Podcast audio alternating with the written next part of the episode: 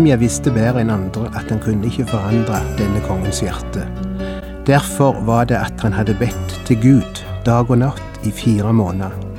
At Gud, som er den eneste som virkelig har menneskenes hjerte i sin hånd, at han måtte åpne ei dør.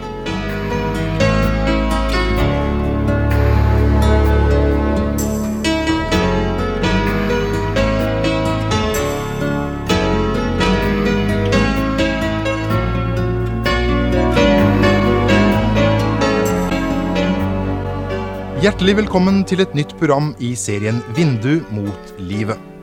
Vindu mot livet er basert på programserien Insight for Living ved Chuck Svindal. Programmet er produsert av Kristen Riksradio og blir ledet av Ola Joland.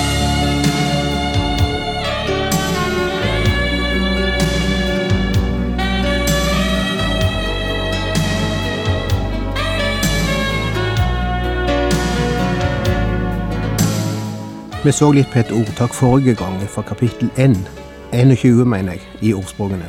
Vers 1, der det står Som bekker med rennende vann er kongens hjerte i Herrens hånd. Han leder det dit han vil. Tanken er at Gud har makt òg over konger og kongers hjerter og tanker. Og for å anskueliggjøre det, så vi sist gang på et eksempel på dette fra Nehemia-boka i Det gamle sementet. Vi begynner med å repetere de første fire versene i kapittel to der, i Nehemja. Vi så på disse versene sist, men vi må lese gjennom de igjen for å få sammenhengen. I det tjuende året av Tarksaksis var konge, hendte det en dag i måneden Nisan at vinen ble satt fram for kongen, og jeg tok og rakte den til ham. Jeg hadde aldri før vært bedrøvet når jeg sto foran kongen. Men nå sa han til meg, Hvorfor er du så bedrøvet? Du er da ikke syk. Dette kan bare bety at du har en hjertesorg. Da ble jeg meget redd og sa til kongen, Kongen leve evig. Må jeg ikke se bedrøvet ut når byen der mine fedre er gravlagt, ligger i ruiner, og dens porter er ødelagt av brann? Kongen spurte, Hva er det du ønsker? Nehemia har sin største dag på lange tider, kanskje en av de største i hans liv. Den hadde begynt dårlig. For første gang i sin mangeårige tjeneste som munnskjenk hos kongen i Persia klarer han ikke å skjule at han er trist. Det hadde aldri skjedd før og det skulle ikke skje, for en munnskjenk skal være til oppmuntring og glede for sin sjef, ikke dra med seg sine private problem og si private sorg på jobb. Men denne dagen ser det ut som at det er så mørkt inni Nehemia at han ikke klarer å skjule det. Han er bedt i fire måneder nå om at Gud må røre ved kongens hjerte gjør et eller annet under, slik at han får lov til å reise hjem til Jerusalem for å bygge opp murene rundt byen.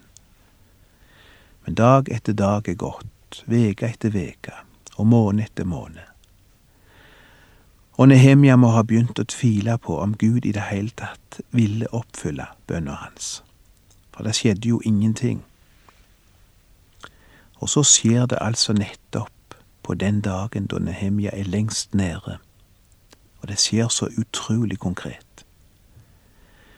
Kongen merker at Nehemia er nedtrykt, og i plassen for å gi han sparken på dagen, og gjør han et hode kortere, slik Nehemia er redd for da kongen merker at han er litt nedfor. Det står jo at Nehemia blir redd når kongen bemerker at han er trist. Men i plassen blir dette nettopp døra Gud åpna inn til kongens hjerte og han får oppfylt sin bønn så konkret og så bokstavelig som det vel går an. Hva er det du ønsker, sier kongen. Kan han få det mer opp i hendene? Jeg siterte et amerikansk ordtak sist som sier noe om at ingenting er så uforanderlig og urokkelig som medernes og persernes lov Og her står Nehemia overfor kongen til disse to rikene som er nevnt i det ordtaket. Og hvis du trodde du kunne bøye eller påvirke kongen av mederne og perserne, så var du en drømmer. Og Nehemia visste bedre enn andre at han kunne ikke forandre denne kongens hjerte. Derfor var det at han hadde bedt Gud dag og natt i fire måneder. At Gud, som er den eneste som virkelig har menneskenes hjerte i sin hånd, at han måtte åpne ei dør. Og nå står han overfor ei dør som er så åpen som den kan bli. Hva er det du ønsker? Hva kan jeg gjøre for deg? sier kongen. Og når du plutselig står overfor ei åpen dør på den måten, da føler du du må liksom legge deg fram for Gud igjen, før du virkelig våger å gå inn i den døra. Nettopp det leser vi at Nehemja gjør nå. Da ba jeg til himmelens Gud, står det. Og etter at han er bedt inni seg til Gud, tar han skrittet inn i den døra som Gud åpna for han. For vi leser videre. Og jeg sa til kongen, om kongen så synes og om du har godvilje for din tjener, så la meg få dra til Judea, til byen der mine fedre er gravlagt, så jeg kan bygge den opp igjen. Da spurte kongen meg, mens dronningen satt ved siden av ham, hvor lenge ferden ville vare, og når jeg kunne komme tilbake. Hvorfor nevnes forresten dronninga her? Antagelig han lent seg over til dronningen og diskutert saken med henne i noen sekund, eller minutt. De er kviska litt i sammen, og de er blitt enige om å spørre han hvor lenge han ønsker å være borte, og når han vil være tilbake. Og det viser én ting, de vil ha han tilbake. Det sier ikke så lite om, om Nehemja. Sjøl om hans hjerte og hans tanker har vært et helt annet sted enn på Slottet de siste månedene. For de har vært i Jerusalem. Så har ikke det gått utover jobben hans som kongens tjener. Kongen sier ikke Vel, jeg har lagt merke til i det siste at du ikke har vært helt med i det du gjør. At du ikke gjør det med samme entusiasme lenger. Så jeg har faktisk sett dette en anledning til å løse deg for jobben. Så bare reis til Jerusalem, du. Det passer meg bra. Så slipper jeg å si deg opp. Nei, han sier ikke det. Han sier, Når kan du komme tilbake? Vi trenger deg her. Og hva svarer Nehemja? Sier han, Nei, du ser, det er ikke så lett å si det. Du ser, jeg må la Gud få styre med det. Jeg aner ikke hvor lenge han vil jeg skal holde på med dette. Du skjønner, konge, når du er i Guds ledelse, så kan du ikke sette opp timer og dager og år. Du må vandre i tru. Og i, tro, og i troens rike kan en ikke legge kalkyler eller segge opp planer eller beregninger. Nei, Nehemia sier ikke det.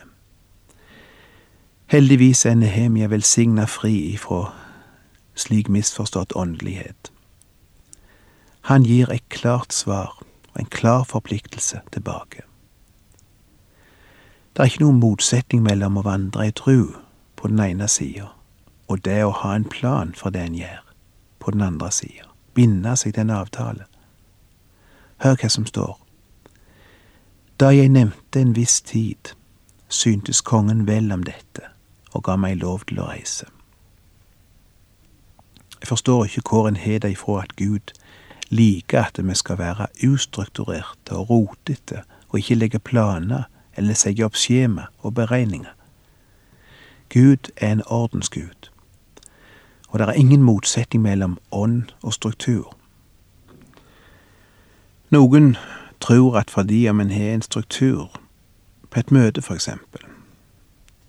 en, et bestemt oppsett med timing av tida, og en bestemt rekkefølge på ting, så kan liksom ikke Guds ånd virke fritt der, som den vil. At vi binder ånden ved å ha en viss struktur på ting.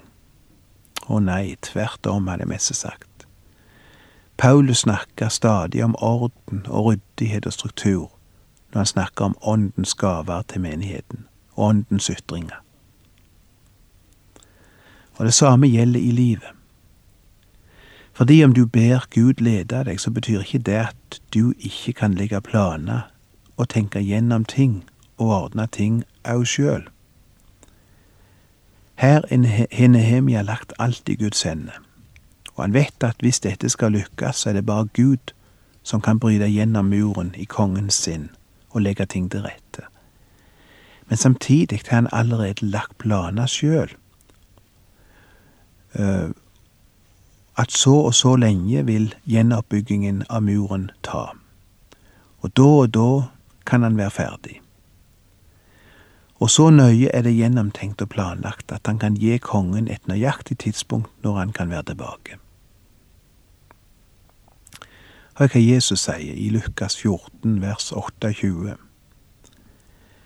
Dersom en av dere vil bygge et tårn, setter han seg ikke da først ned og regner ut hva det vil koste, for å se om han har penger nok til å fullføre det. For har han lagt grunnmuren, men makter ikke å gjøre tårnet ferdig, da vil alle som ser det gjøre narr av ham og si, denne mannen begynte å bygge, men klarte ikke fullføre det. Nehemia er nøktern. Han er praktisk. Han er reflektert og gjennomtenkt. Samtidig som han har lagt alt i Guds hender og venter på at Gud skal åpne døra. Det er en kombinasjon jeg liker og derfor liker jeg Nehemia. Og når kongen får dette svaret, når kongen skjønner at dette er gjennomtenkt, at det foreligger en plan, at han kan få vite når det blir fullført, og når tjeneren hans vil være tilbake, så sier han ok, du kan bare dra. Men Nehemia har et par ting til på hjertet.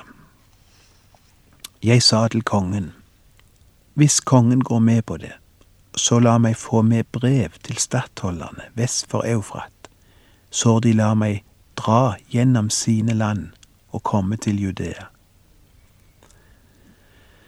Hvem var disse stattholderne vest for Eufrat som nevnes her?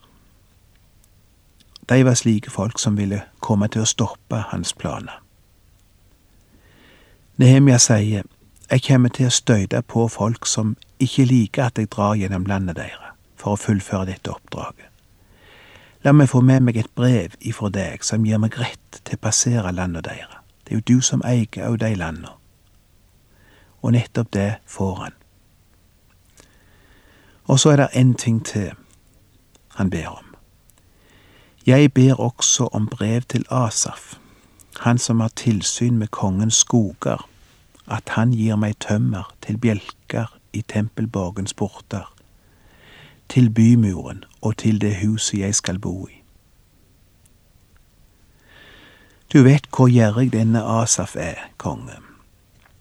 Han kommer aldri til å la meg få felle tre i sitt land til å bygge portene med, i muren rundt Jerusalem.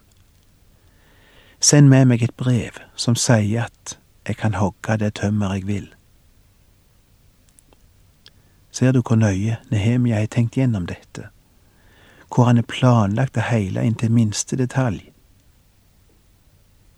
Samtidig som han er leie sine kne og bitt Gud om å lede han, om å åpne dørene, og vente på at Gud skulle gjøre det. Samtidig med det har han altså brukt tida flittig til å tenke gjennom og planlegge alt skikkelig, slik at ingenting skal overlates til tilfeldigheten overlates til Gud, ja, men ikke til tilfeldighetene. Det er to vidt forskjellige ting, det. Mange tror de overlater det til Gud, men faktum er at det er tilfeldighetene de overlater det til, når de ikke vil planlegge noe, eller tenke gjennom noe på forhånd. Det gikk et ordtak under den store amerikanske revolusjonen som sa Stol på Gud, men hold kruttet tørt. Altså stol på Gud. Legg det i hans hender, be til han om det. Men planlegg samtidig hvordan du tenker og gjør det. Vær klar. La det være gjennomtenkt den dagen Gud åpner døra.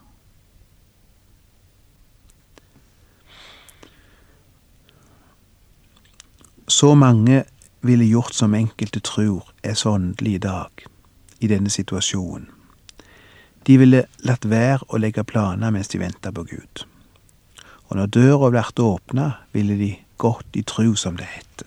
Og de ville komme til grensen ved Eufrat, og der ville de møtt noen grensevakter som ville spurt passet, takk.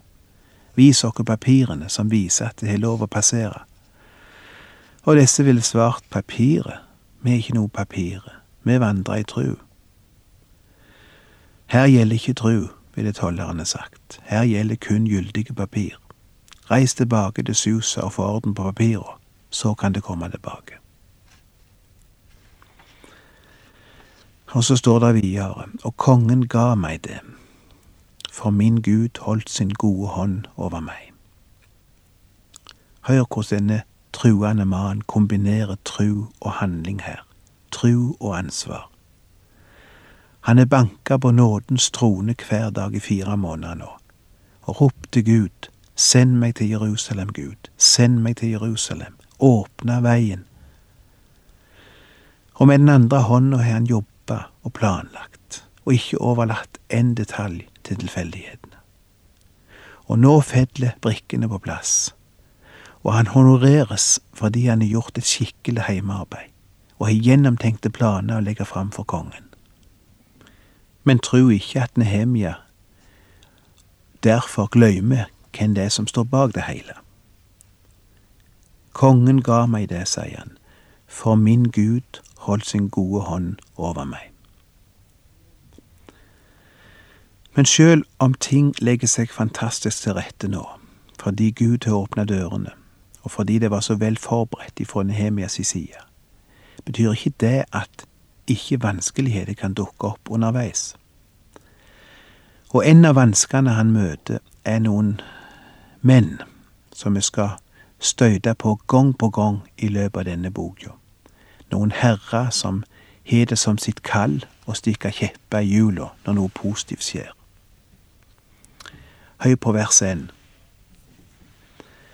Men da Sandballat fra Bet-Horon og tjenestemannen Tobia fra Ammon hørte dette, ble de harme. De var svært misfornøyd med at det var kommet en mann som ville ta seg av israelittenes sak.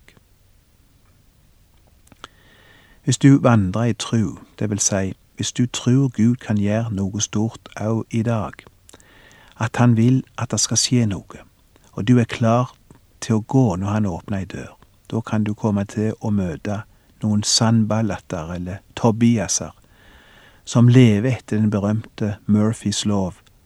Det kommer ikke til å gå.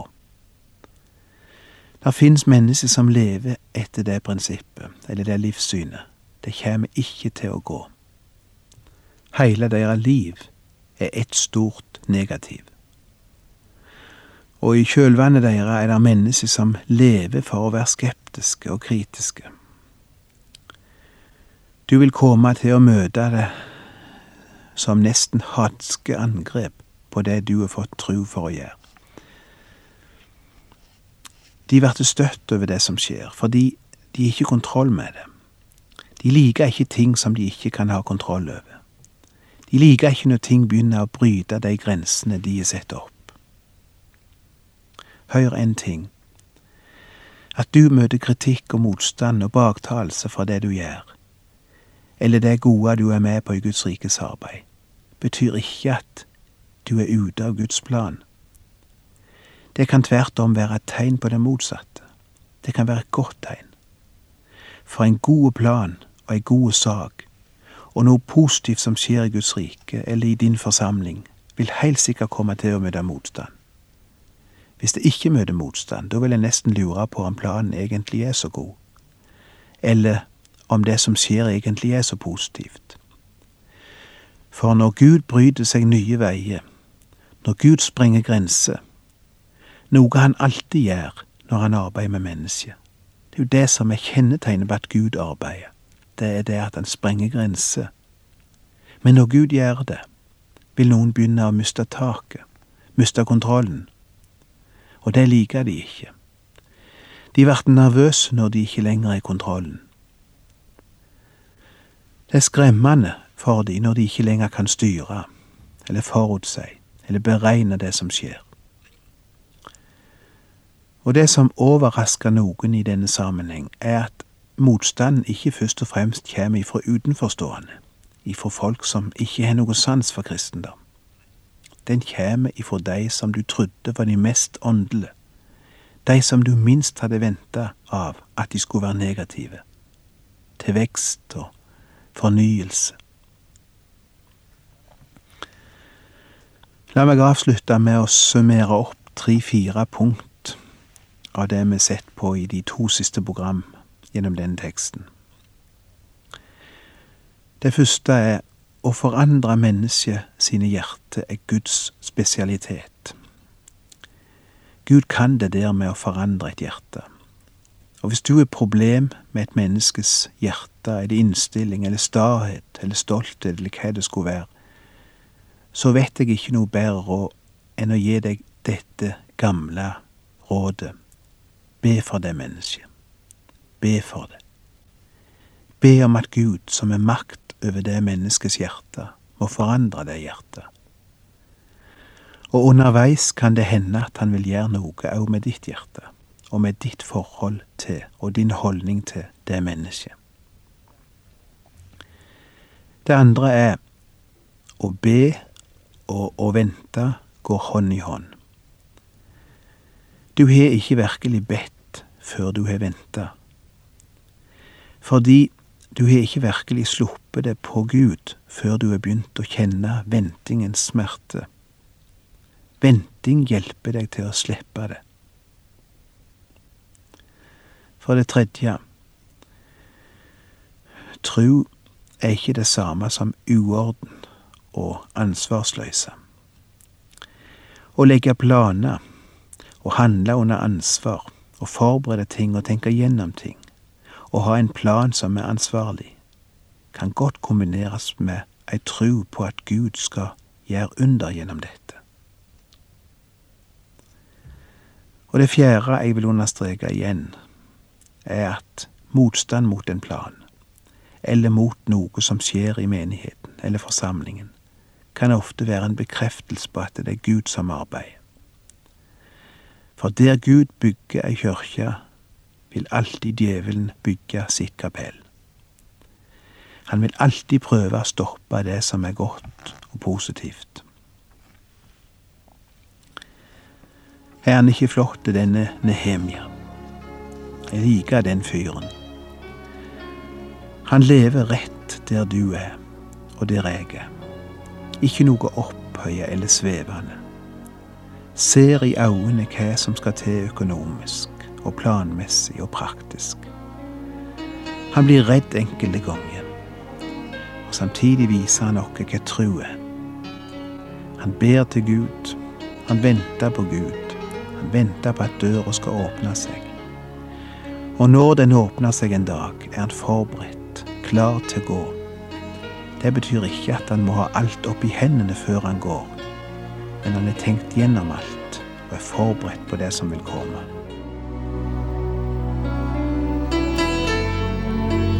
Du har hørt på et program fra serien Vindu mot livet med Ola Bjoland. Dette programmet kan du også høre på våre nettsider p7.no. Har du spørsmål eller kommentarer til det du nå har hørt, kan du ta kontakt med oss. Vårt telefonnummer er 56 32 1701. Om du heller ønsker å sende oss en e-post, kan du bruke adressen post krøllalfa p7.no.